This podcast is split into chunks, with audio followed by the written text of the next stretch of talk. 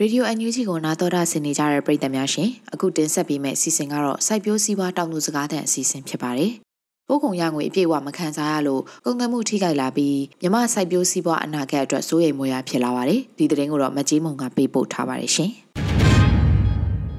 အာနာသိန်းစစ်တပ်ကပို့ကုန်ရငွေတွေကိုတမိုးတိုင်းခန်းစားခွင့်မပေးဘဲရရှိလာတဲ့ American Dollar ငွေကိုသိမ်းယူတဲ့အပြင်နှုံးသေးသတ်မှတ်ထားတဲ့မြန်မာကျပ်ငွေနဲ့လဲလှယ်ရယူတာဖြစ်ပါတယ် ပြင်ပဒေါ်လာငွေကြေးလဲလှယ်နှုန်းကိုမထိနိုင်ပဲပို့ကုန်ရငွေကိုနှုံးသေးသတ်မှတ်တာကကုန်စည်နှုန်းကိုတက်လာစေပြီးဝင်ငွေကိုတက်မိုးရော့ကျလာစေပါတယ်။ဒါကြောင့်ဈေးကစားလိုသူတွေအတွက်အခွင့်အလမ်းဖြစ်လာပြီးပုံမှန်ထုတ်လုပ်သူတင်ပို့သူတွေအတွက်တော့အကျက်တဲကိုဖြစ်လာစေတယ်လို့ပြည်ပကိုစံတင်ပို့တဲ့လုပ်ငန်းလုပ်ကိုင်သူတဦးကပြောပါတယ်။နိုင်ငံခြားသေးကနေပြည်ထဆန်သေးကအရမ်းမြင့်တယ်။ဟာဆွေပေါ်ပေါ်ဆန်းဆိုလို့ရှိရင်တသိန်းတစ်တောင်းခွဲနဲ့တသိန်းနှစ်တောင်းလောက်ဖြစ်နေစံတိတ်အကျန်းစားဆိုလို့ရှိရင်မနောဒုက္ခလို့ဆန်လို့ဆိုရင်ဒေတာအသီးသီးမှာပုံမှန်က9000ခွဲလောက်ဖြစ်နေစံတိတ်ကို နောက်တစ်ခါပိုဆိုးတာကနိုင်ငံခြားတင်ပို့တဲ့ export ကရတဲ့ရငွေတွေကိုငွေကြေးလဲလှယ်တဲ့ပုံစံပေါ်မှာ65 35နဲ့အခု50 50ဖြစ်တဲ့အခါကျတော့ပထမအရင်တော့65ကို2100နဲ့မလဲမနေရ 35ကိုအပြင်ပေါက်သေးနဲ့ရအောင်အခုကျတော့လို့မဟုတ်တော့ဘူး50 50ကိုဒီဘက်50ကို2100နဲ့တွက်ယူတယ်နောက်ကျန်တဲ့ဒီဘက်က50ကျတော့2920နဲ့ဖြတ်တယ်ဒီနေ့ဒေါ်လာတွေကအပြင်မှာ3200 300ဖြစ်နေတာလေအဲလိုမျိုးတွေပုံမှန်မှုတဲ့ငွေကြေးလဲလှယ်မှုတွေကြောင့်လည်းဈေးနှုန်းတွေမတည်ငြိမ်တာပေါ့အဲ့လိုမျိုးတွေဖြစ်တာ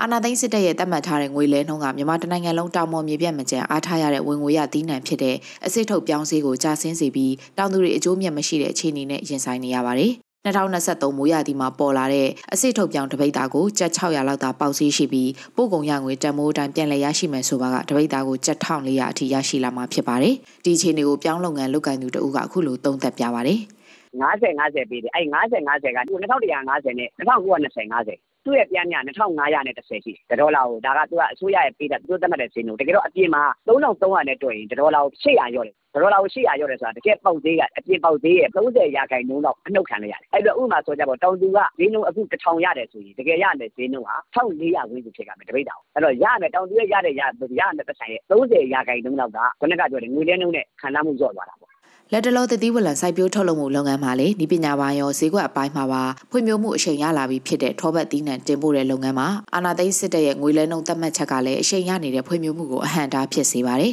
ဈေးကွက်တင်ပို့မှုစရိတ်တွေမြင့်တက်လာပေမဲ့ဈာတိပေါ်ကုန်စည်သီးနှံမပြတ်စည်းအောင်တင်ပို့ရပေမဲ့သီးနှံကရတဲ့အကျိုးမြတ်နှဲပါလာပါတယ်။ဥရောပအမေရိကအရှေ့အလယ်ပိုင်းနဲ့တရုတ်ဈေးကွက်ကိုတင်ပို့ဖို့စိုက်ပျိုးပြင်ဆင်ထားတဲ့မြန်မာထောပတ်တီဟာအလုံးရင်းနဲ့ထွက်လာပေမဲ့အဲ့ဒီနဲ့အစောပိုင်းမှာပဲအာနာသိမ့်လိုက်တာကပြည်ပကိုတင်ပို့မဲ့ဈေးကွက်အားလုံးကိုရက်ဆိုင်သွားစေခဲ့ပါတယ်။လက်တလုံးမှာထိုင်းနိုင်ငံကိုနေဆက်ကတဆင့်တင်ပို့နေရပြီးစစ်တပ်ကအခွန်တိုးမြင့်ကောက်ခံတဲ့အပြင်ပို့ကုန်ရငွေမှာလည်းအပြည့်အဝမရရှိတဲ့အတွက်အကျိုးမြတ်တွေရောနေလာတယ်လို့ထောပတ်ကုန်တဲ့တအုပ်ကအခုလိုပြောပြပါဗျာ။ လက်ရှိပေါ့အရင်တော့တဒံကုန်ချက်စိတ်ဆို2သိန်း3သိန်းအဲ့လိုပဲရှိတယ်ပေါ့နော်အခုဆိုတဒံကုန်ချက်စိတ်ဆို4သိန်း4သိန်းကျော်လောက်ဖြစ်သွားတယ်ဘာလို့ဆိုနိုင်ငံတော်ကသူတို့အခုကိစ္စနေရခိုင်တော့ဆိုပေမဲ့ကျွန်တော်တို့ကြ agent 3ရတယ်ဗျဟုတ်ပဲတစ်ဖက်နိုင်ငံနဲ့ရောက်ဖို့ဆိုဒီ ကျွန်တော် QR code တွေချောက်ဖို့ပါညာဆို agent 3ရတယ်ဆိုတော့ agent စရိတ်နဲ့ကျွန်တော်တို့ဒီ land ပေါ်မှာလည်းကုန်ချက်စရိတ်နဲ့ပေါ့ဟိုဒီ case ဟို JD စရိတ်နဲ့ဆို4 5 6သိန်းလောက်တက်သွားတာပေါ့နော်2သိန်း3သိန်းနဲ့4 5သိန်းလောက်တက်သွားဆိုတော့ကျွန်တော်တို့ဒီအခုမှပဲတောင်သူတွေကအခုမှပဲစားဆိုင်တာဆက်တာလည်းမကြသေးဘူးဆိုတော့ဟို airport တောင်သူတွေပေါ်ပဲတက်ရောက်မှုတွေရှိတော့ဗျာအရင်တော့1ကီလိုကိုကုန်ကျစရိတ်200 300ကြားရမယ်ကုန်ကျစရိတ်ကိုဒီအခုခက်ကိစ္စအကြောင်းမလို့1ကီလို5 600လောက်တော့ဝက်လုံးလောက်တက်သွားတယ်ဗျာဟုတ်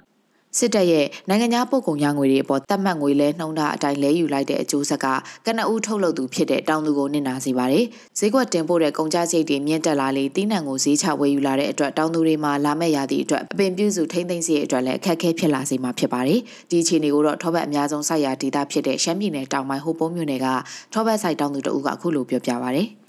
ပူရမလားချက်ပြုစုရမလားချက်မပြုစုရဘူးလားအဲ့လိုမျိုးဆိုဝေစပါတွေဖြစ်ကုန်တယ်အဲ့လိုမျိုးအခြေအနေဖြစ်မယ်ဆိုတော့တောင်သူတွေကအနစ်နာဆုံးမဲ့ပေါ့နော်ပွဲစားတွေတော့သူတို့ဝယ်နိုင်ဝယ်မယ်မဝယ်နိုင်ဘူးဆိုလည်းမဝယ်ဘူးဆိုတော့ကျွန်တော်တို့တောင်သူတွေတော့တကယ်တမ်းဆိုတော့မျိုးလေးဆက်မဲ့နေတာပေါ့နော်အခုချိန်ဆိုတော့ဒီနှစ်ပေါ့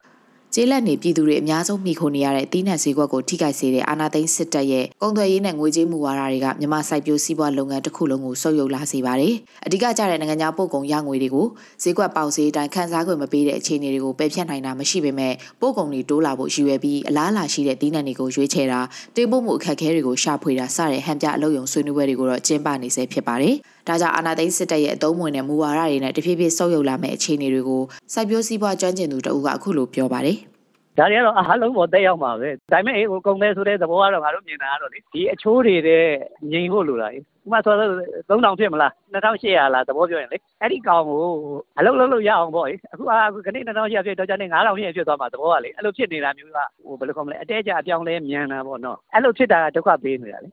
2020-2021မြန်မာတည်နယ်စိုက်ပျိုးရေးလုပ်ငန်းကနေစုစုပေါင်းပြည်တွင်းထုတ်လုပ်မှုကုန်ပစ္စည်းတွေနဲ့ဝန်ဆောင်မှုတွေအားလုံးရဲ့ဈေးကွက်တန်ဖိုးကကျပ်ငွေဘီလီယံပေါင်း15000ကျော်ရှိပြီးတနိုင်ငံလုံး GDP ရဲ့14ရာခိုင်နှုန်းရှိခဲ့ပါတယ်။ပြီးခဲ့တဲ့2020-2021ဘဏ္ဍာနှစ်မှာလေယာထွက်ကုန်ကရရှိခဲ့တဲ့ပို့ကုန်သွင်းကုန်ကုန်သွယ်မှုတန်ဖိုးကအမေရိကန်ဒေါ်လာပေါင်း4624သန်းကျော်ရှိခဲ့ပြီးပြီးခဲ့တဲ့2022-2023ခုနှစ်မှာတော့တန်ပေါင်း3999သန်းသာရရှိခဲ့တယ်လို့ထုတ်ပြန်ထားပါတယ်။ နိုင်ငံခြားပို့ကုန်ရငွေတွေကိုတတ်မှတ်ပေါက်ဈေးနဲ့လဲလှယ်ဖို့အာဏာသိမ်းစစ်တပ်လက်အောက်ခံဗဟိုဘဏ်ကပြီးခဲ့တဲ့2022ခုနှစ်ဩဂုတ်လ9ရက်နေ့မှာစတင်ထုတ်ပြန်လိုက်တာဖြစ်ပြီးကြော်ညာပြီးတစ်နှစ်အကြာမှာလေယာထွက်ကုန်တင်ပို့မှုကရရှိတဲ့တန်ဖိုးကအမေရိကန်ဒေါ်လာတန်ပေါင်း600ကျော်လျော့နေလာတာဖြစ်ပါတယ်။အခုတင်ဆက်ပေးခဲ့တဲ့မြေပြင်သတင်းအကြောင်းအရာတွေကိုတော့ Radio NUG သတင်းတောင်မကြီးမုံကပေးပို့ထားတာဖြစ်ပါတယ်ရှင်။